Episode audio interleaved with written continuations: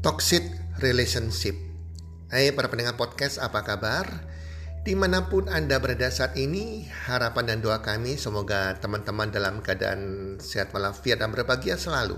Dan pasti-pastinya rezeki Anda makin bertambah dari hari ke hari dan keberuntungan serta kesuksesan menyertai Anda sepanjang tahun ini. Para pendengar podcast, di podcast kali ini kembali Bro Eka Darmadi dan Sis Kweni akan membawakan materi tentang toxic relationship.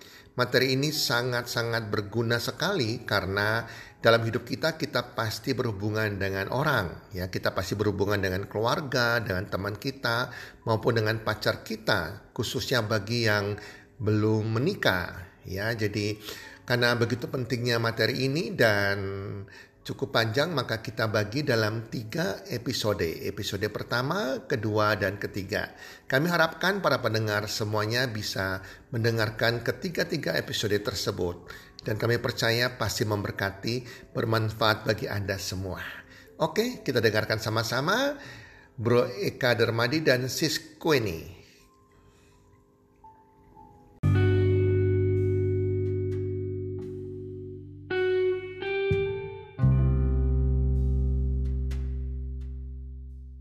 Halo semua, pada episode podcast kali ini kita akan membahas tentang to toxic relationship bagian pertama yaitu bagian family.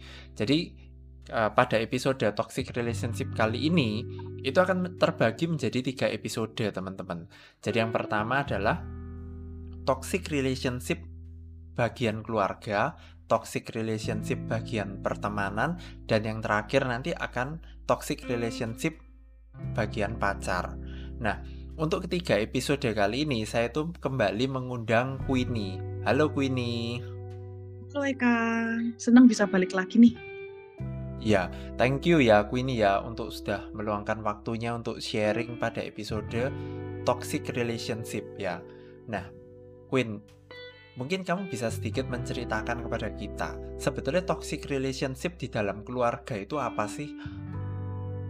Toxic relationship di dalam keluarga itu lebih ke situasi di mana uh, satu atau dua anggota keluarga di dalam satu keluarga itu tidak melaksanakan uh, struktur yang tepat sebagai peran mereka.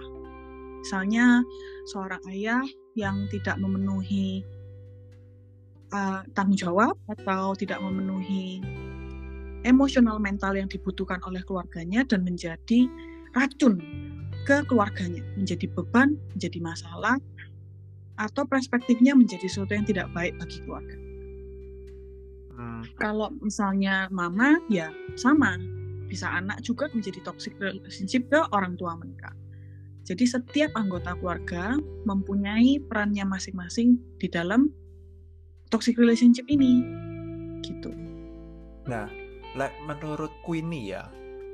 Terus kalau misalnya ada toxic relationship tentu ada yang namanya healthy relationship di dalam keluarga kan?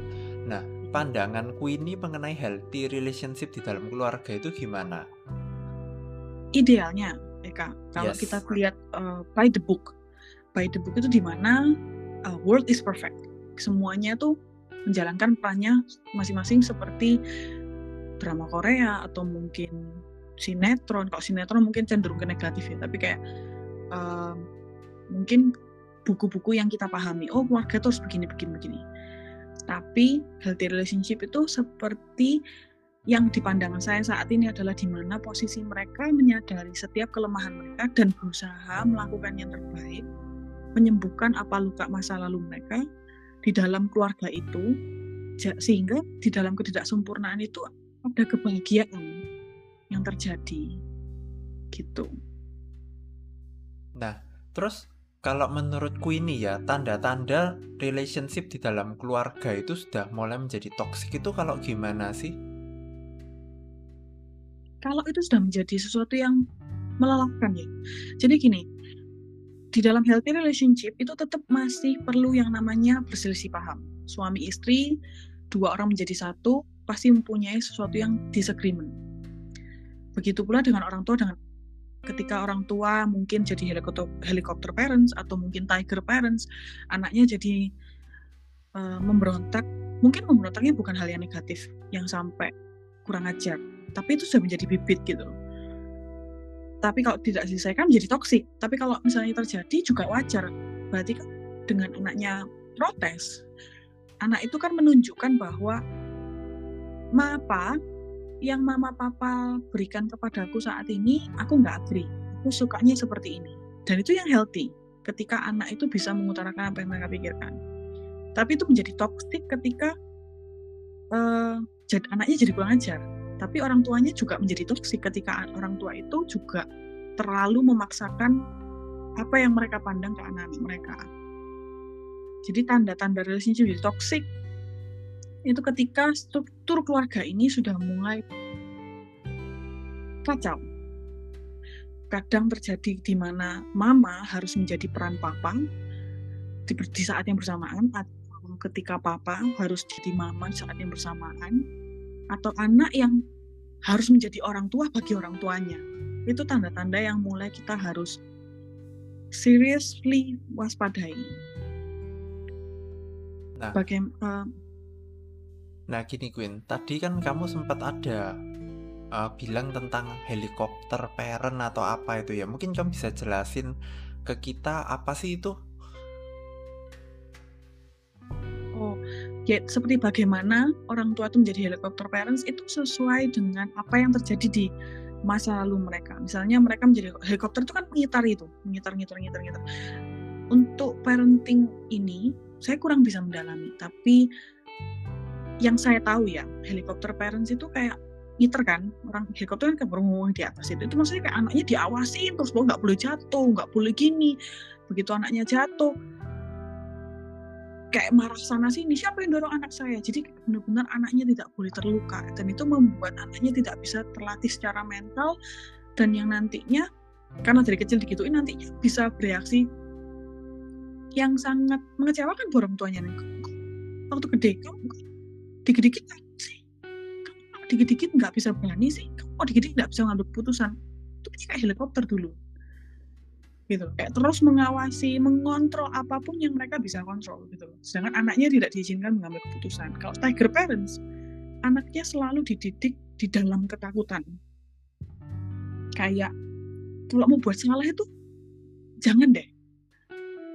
Mungkin uh, kalau kelihatan mata mukul kita bisa lihat oh itu tiger parents tapi kalau misalnya nggak mukul misalnya dengan perketak mungkin dengan uh, masih relate dengan perkataan tapi melalui hukuman, melalui cara-cara yang akhirnya menjadi abuse yang tidak disadari yang dilakukan yang menjadi trauma, menjadi bibit sakit hati dari anaknya di kemudian hari. Gitu. Oh, nah, hmm, tadi juga sempat ini sempat bilang juga tentang kalau anak belum waktunya dia harus mengambil peran sebagai parent ya atau sebagai orang tua. Nah, di dalam kehidupan kita itu kan tidak selalu berada di dunia yang sempurna ya. Tentu ada beberapa kasus-kasus khusus ya di mana karena satu dua hal atau karena alasan tertentu akhirnya sang anak ini harus mengambil tanggung jawab sebagai tulang punggung keluarga. Ya kan? Nah, itu kan adalah sesuatu yang nggak bisa dihindari dalam arti gini ya karena katakan katakan nih misal orang tuanya ternyata sedang sakit dan tidak memungkinkan untuk bekerja misalnya dan anak ini harus bekerja supaya bisa menghidupi orang tuanya kayak gitu loh. Memang betul kalau misalnya kita lihat kan wah ini keluarga kayaknya tidak berfungsi dengan baik. Tapi ya gimana lagi? Ini kan ya apa ya kayak kehidupan gitu loh. Kadang kehidupan itu kita ini kan tidak bisa kayak berharap semuanya itu berjalan dengan sempurna dengan apa ideal. Betul nggak? Betul. Jadi yang Eka point out itu bagus banget. Maksudnya tuh ya itu benar-benar banyak yang terjadi gitu loh. Di mana orang tua uh, kebetulan sakit atau kebetulan ya mungkin maaf sorry dikata pekerjaannya kurang. Jadi otomatis anak harus membantu income orang tua. Saya rasa toksiknya tuh tidak di dalam posisi itu. Posisinya lebih ke arah apa yang terjadi ketika orang tua dan anak ada di posisi itu. Contohnya, misalnya di posisi yang tadi Eka ceritakan, mamanya mungkin lagi sakit gitu, anaknya harus kerja biayai. Di dalam situ tuh ada dinamika yang sensitif dan bisa terjadi. Misalnya, mamanya menjadi toksik anaknya itu secara mental. Entah itu merasa kurang dengan apa yang anaknya bisa berikan, dan menjadi bentuk protes. Protes yang cukup keras terhadap anaknya gitu loh. Jadi saya rasa saya rasa itu yang membuat anak itu lebih merasa tertekan. Jadi itu yang toksiknya di situ. Jadi misalnya nih anaknya itu kebetulan belum punya kemampuan untuk mencapai apa yang mamanya mau. Misalnya uh, mamanya misalnya nih ya kita bilang misalnya ini mamanya ini ngerasa loh kalau kamu bakti sama mama, kamu sekarang sudah lulus kuliah, kamu harus bisa bisa dong biayain mama. Kamu udah bisa dong beliin mama barang. Kamu harus bisa give back to mama. Apa yang sudah mama kasih ke kamu, saatnya kamu kasih balik ke mama. Itu sudah toxic gitu loh. Karena uh, kalau anaknya bisa seperti itu, ya puji Tuhan, ya bagus gitu loh. Tapi kalau anaknya nggak bisa, jangan jadikan itu sebagai tekanan. Karena posisinya dia anak gitu loh. Ini orang tua, beda memang ada kalanya di mana kita perlu anak anak itu berbakti kepada orang tua. Tapi dalam figur ini, ketika sudah menjadi sesuatu yang menjatuhkan, tidak menyemangati, itu toksiknya di situ gitu loh. Misalnya anak itu berbakti di kemudian hari gitu, ya sudah, ya bagus gitu loh. Maksudnya that's a plus gitu loh. Bahkan kalau misalnya itu dibilang keharusan, itu part of anaknya yang rawat orang tuanya kalau sudah tua yes. Tapi kalau saat-saat di mana anaknya belum bisa melakukan dan ditekan seperti itu saya rasa itu toksiknya di situ. Jadi ini tuh garis yang sangat tipis sekali ya. Tapi bisa dibilang kayak kalau mau yang lebih jelasnya gini kalau anaknya masih sekolah terus dituntut kayak gitu tapi dia juga harus nilainya bagus kan susah jadi toksik akhirnya anaknya bisa depresi anaknya bisa stres mentalnya nggak bagus kepercayaan dirinya nggak ada dan merasa bahwa tuntutan itu menjadi sesuatu yang normal gitu loh. Kayak oh iya ya anak itu harusnya kayak gini ya gitu. Tapi kok saya nggak bisa memenuhi? Berarti saya anak yang nggak berguna. Nah pertanyaannya gini maukah kita anak kita merasa selalu merasa nggak berguna Jawabannya of course nggak mau. Saya nggak mau anak saya merasa nggak berguna.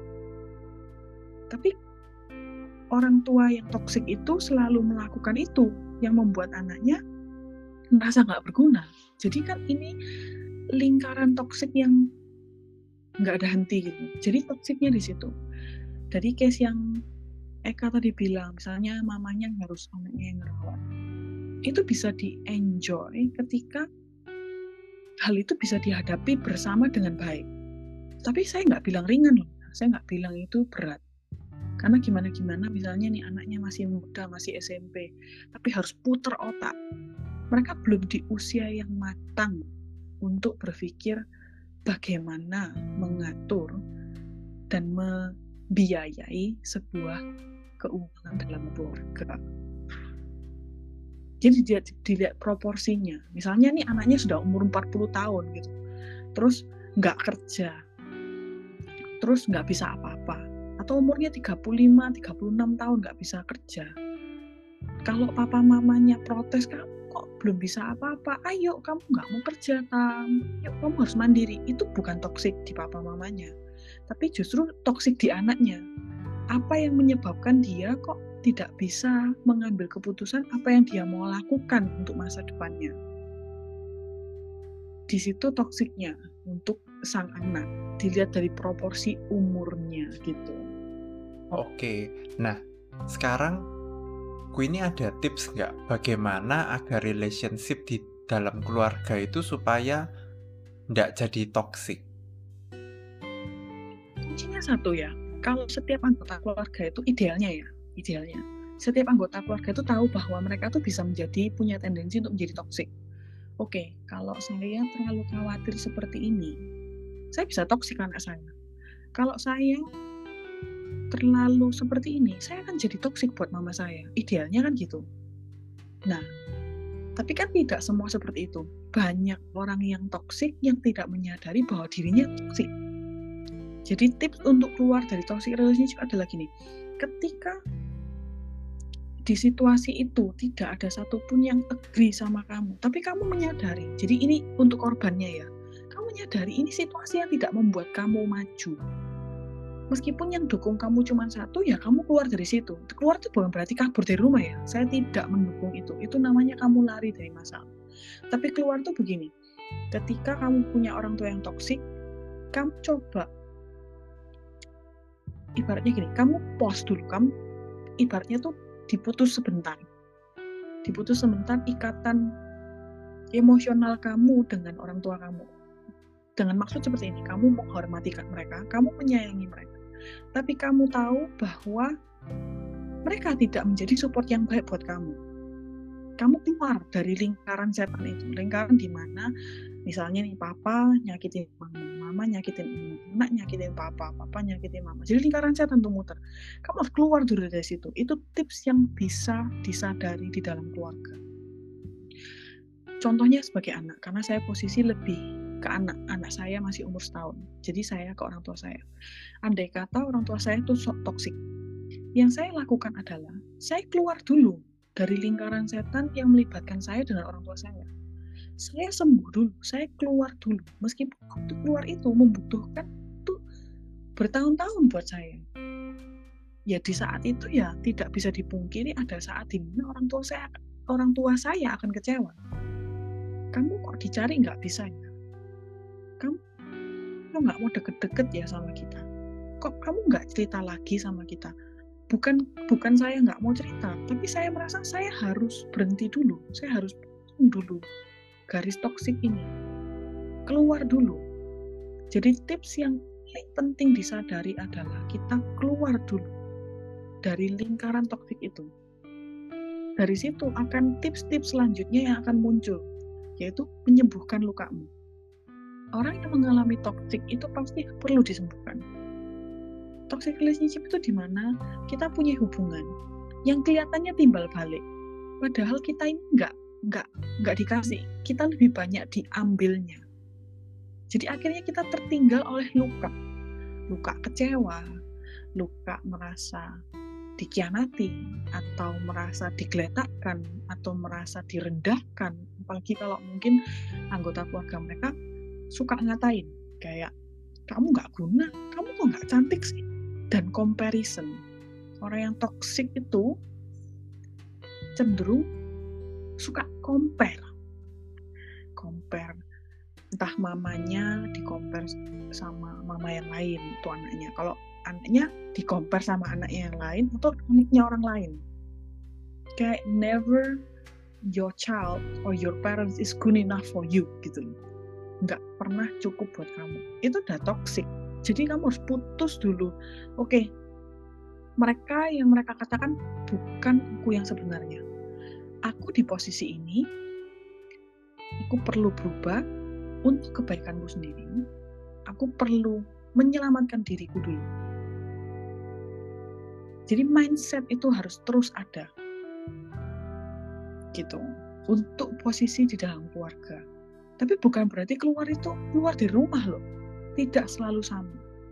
Tapi untuk beberapa kasus yang memang keluargamu benar-benar sudah terlalu menekan kamu, dan kamu bisa mandiri loh ya misalnya kamu punya gaji terus gajimu tuh disuruh beliin beras di rumah suruh bayar uang listrik sudah bayar uang rumah tapi papa mama tidak memenuhi tanggung jawab mereka terhadap rumahnya mereka sendiri ya mendingan kamu keluar kan ngekos gitu loh maksud saya mendingan tuh bukan berarti paten ya misalnya kamu bilang oke okay, saya nggak masalah saya biayain ini semua. Anggap saya sayang sama papa mama saya. Ya sudah stay. Tapi kalau kamu tahu bahwa dengan kamu bantuin mereka bayar ini itu kamu tidak bisa menata masa depanmu alangkah lebih baik kamu ngekos. Kamu tidak putus hubungan. Kamu bisa silaturahmi kamu bisa uh, visit your parents gitu. kamu bisa ngajak mereka makan. Tapi kamu bisa mengatur keuanganmu sendiri mandiri dulu dari situ kamu bisa menyembuhkan luka-lukamu. Kamu bisa berpikir maju ke depan. Gitu. Nah menurutku ini apakah toxic relationship di dalam keluarga itu bisa diperbaiki? Bisa. Bisa. Tapi tidak selalu harus terjadi. Jadi gini ketika kita punya keluarga anggota keluarga yang toxic nih kita tuh selalu expect sama mereka ini toxic yang justru kita sendiri toxic ke diri kita sendiri. Contohnya misalnya gini, saya aspek papa saya menjadi ayah yang saya harapkan. Misalnya kayak, misalnya nih contoh, papanya kok nggak pernah ya kayak ngerti bahwa saya tuh butuh pembelaan papa. Misalnya saya bertengkar sama temanku gitu ya, teman saya gitu. Kok bisa sih papa kok nggak ada buat aku? Perasaan-perasaan itu sebenarnya perasaan-perasaan yang kita sendiri yang rugi nantinya. Karena kita tidak bisa expect orang untuk melakukan apa yang orang itu nggak bisa lakukan. Karena kan dia toksik orang toksik kan sakit kan gitu. Ya misalnya nih mamanya tuh suka hina-hina anaknya. Kamu anak yang nggak berguna kamu anak yang useless kamu anak yang apa.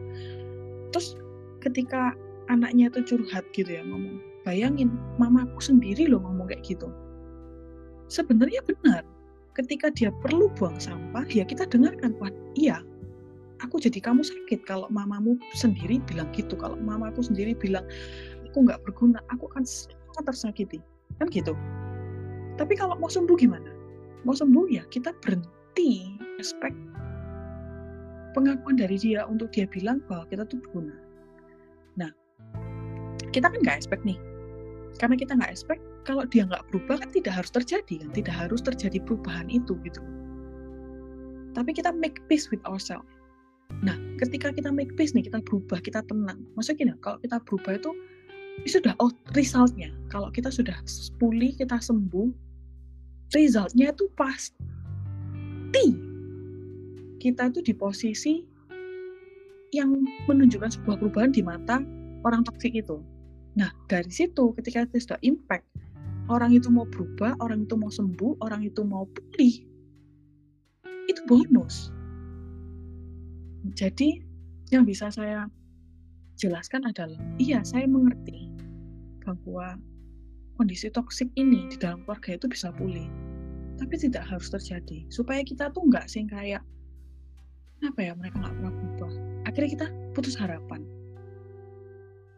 gitu loh. Padahal kalau kita sudah bilang ya udah mereka berubah apa nggak berubah? Aku do my part. Mereka berubah itu biar dengan doa udah urusan yang di atas gitu. Hmm, kalau gitu ku ini ada nggak tips untuk orang itu bisa keluar dari toxic relationship di dalam keluarganya itu gimana? Tips saya itu satu, uh, sadari dulu. Benar-benar sadari. Sadari bahwa kamu harus keluar. Keluar secara mindsetmu dari lingkaran itu. Bayangin ya kalau di dalam keluarga itu berarti dari kita lahir. Kita lahir itu dari bayi sampai nggak tahu umur pendengar itu sampai berapa. Misalnya yang mendengarin nomor 27 tahun berarti 27 tahun kan. Terus di dalam situasi toksik itu terus kamu udah muak nih terus kamu udah perlu dengan kebencian dan lain-lain. Kamu pengen berubah pengen ada sesuatu yang berubah. Ubah mindsetmu dengan oke okay, kalau saya mau berubah saya harus keluar. Saya harus berhenti expect sesuatu yang baik atau idealnya papa, mama, koko, cece, meme, titi, atau mas, kakak, adik, siapa pun itu. Untuk melakukan part dia terhadap kamu. Untuk dia berubah. Mindset itu berhenti dulu. Jadi langsung self healing dulu. Jadi dari situ ya, loh resultnya apa nih? Berarti cuma gua doang yang sembuh. Loh, jangan salah, kalau kamu di posisi yang sick dan kamu tidak punya mindset nomor satu ini dan kamu sembuh dulu, kamu memisahkan dirimu dulu, kamu bisa menjadi pelaku loh di ke kehidupanmu selanjutnya. Misalnya nih kamu bisa toksik ke temenmu. itu bagian terdekat misalnya nih dari dia kecil sampai dia gede sama teman itu jadi toksik itulah kenapa kok ada orang toksik di society. Itu nanti di episode kedua. Kalau sama teman aja masih toksik kita teruskan lagi nanti sama pasangan hidupnya. Dan ketika sama pasangan hidupnya akhirnya menjadi pelaku di dalam keluarga kecil yang dia kelola sendiri jadi nggak heran bahwa orang-orang toksik ini adalah hasil dari mereka ini adalah korban sebelumnya. Jadi tipsnya satu, mindset. Dua, sadari bahwa kalau ini terus-menerus terjadi, kamu bisa jadi pelaku loh. Pelaku di luaran, entah itu nantinya di kehidupanmu selanjutnya ketika kamu mendapat pasangan, nanti ketika kamu berkeluarga, dan tips yang ketiga, carilah pertolongan. Meskipun hanya satu orang yang mendukung kamu. Karena yang baik ya. Jalani. Sembuhin dulu. Yang keempat, orang lain yang maksudnya kayak kamu nggak usah kor-kor rame-rame gitu. Gue lagi sembuh nih dari keluarga gue begini. Nggak usah kor-kor gitu kalau orang tanya oh ya nggak apa-apa aku dalam proses tapi kalau enggak nggak usah cerita gitu but keep keep it to yourself to know that okay I'm ongoing process and I gotta find a good support yang benar-benar mau aku sembuh dan keluar dari toxic relationship itu. Jadi kenapa kok saya harus tekankan ini? Kok saya bilang tidak perlu sama orang tahu? Saya nggak bocor kok saya ini pemalu, bukan gitu kadang ketika kita di dalam desperate situation kita akan cari banyak orang yang bisa tolong kita. Ibarat gini Eka. Misalnya Eka ini kecepit gitu di pintu lift gitu. Nggak mungkin dong Eka kayak teleponnya cuman ke si A doang. Wah pokoknya cuma percaya sama si A. Gue telepon si A padahal si A tuh di ujung bumi gitu. Pasti kan kalau kecepit kan kalau sudah kepepet sampai dua sprite terus siapa yang lewat? Kan Eka pasti kayak minta tolong toh. Akhirnya kita curhat ke mana-mana. Saya bisa mem memahami itu karena dulu saya di posisi itu. Jadi setelah saya keluar dari toxic relationship saya ini penuh dengan luka. Dan saya belum menemukan orang yang mau berjalan dengan saya. Jadi akhirnya ketemu orang yang peduli sedikit saya sudah cerita gitu. Kayak apa ya aku ngalamin ini aku aku begini begini begini begini, begini. orangnya belum tentu bisa siap membantu saya. Kemungkinan juga mungkin dia juga punya toksiknya sendiri dan akhirnya malah merugikan saya gitu. Tips yang terakhir. Untuk keluarga. Jangan merasa malu ketika kita punya keluarga yang toksik. Itu tidak tidak menentukan siapa dirimu di masa depan.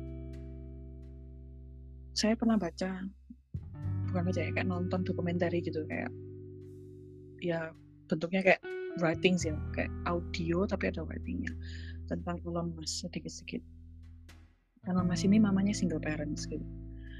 Tapi ketika mamanya diwawancarain saya bisa lihat benar-benar saya sampai bilang wow, ini mama yang luar biasa.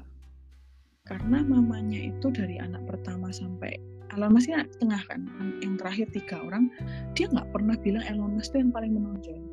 Padahal yang paling menonjol, dia selalu bilang anakku yang pertama tuh punya bakat bertani, agro, culture.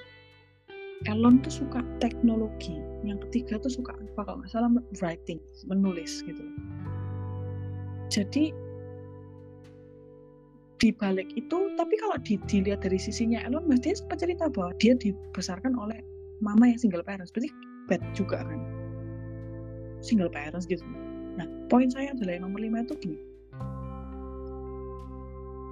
It's okay that you happens to be in that family. Kamu nggak memilih kamu bisa lahir di mana. Tapi kamu nggak perlu dwell and labeling yourself that you are a damaged good You are not. You are a perfectly fine good. Hanya saja kamu harus melalui ini semua untuk kamu bisa keluar menjadi yang baik di dalam keluargamu. kamu sedang dibentuk melalui keluargamu itu. Nomor lima ini, jangan dianggap remeh. Ini akan membantu kamu untuk sembuh di nomor satu. Gitu. Oke, thank you banget ya Queenie ya sudah mau sedikit sharing tentang toxic relationship bagian yang pertama yaitu bagian family.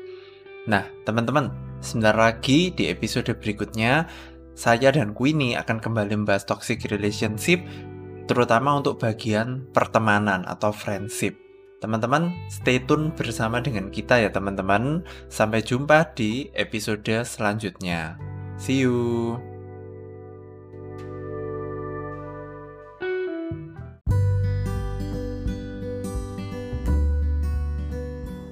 Terima kasih sudah mendengarkan podcast kami. Teman, jika Anda rasa bermanfaat podcast kami ini, Anda bisa menginfokan kepada rekan kerja Anda, keluarga Anda, teman ataupun sahabat Anda. Dan jika ada hal-hal yang Anda ingin tanyakan kepada kami ataupun topik-topik apa yang Anda ingin kami bawakan, kami sampaikan, Anda bisa DM kami di Instagram kami health community www.mantutri.id. Salam 123, salam sehat, sejahtera dan bahagia.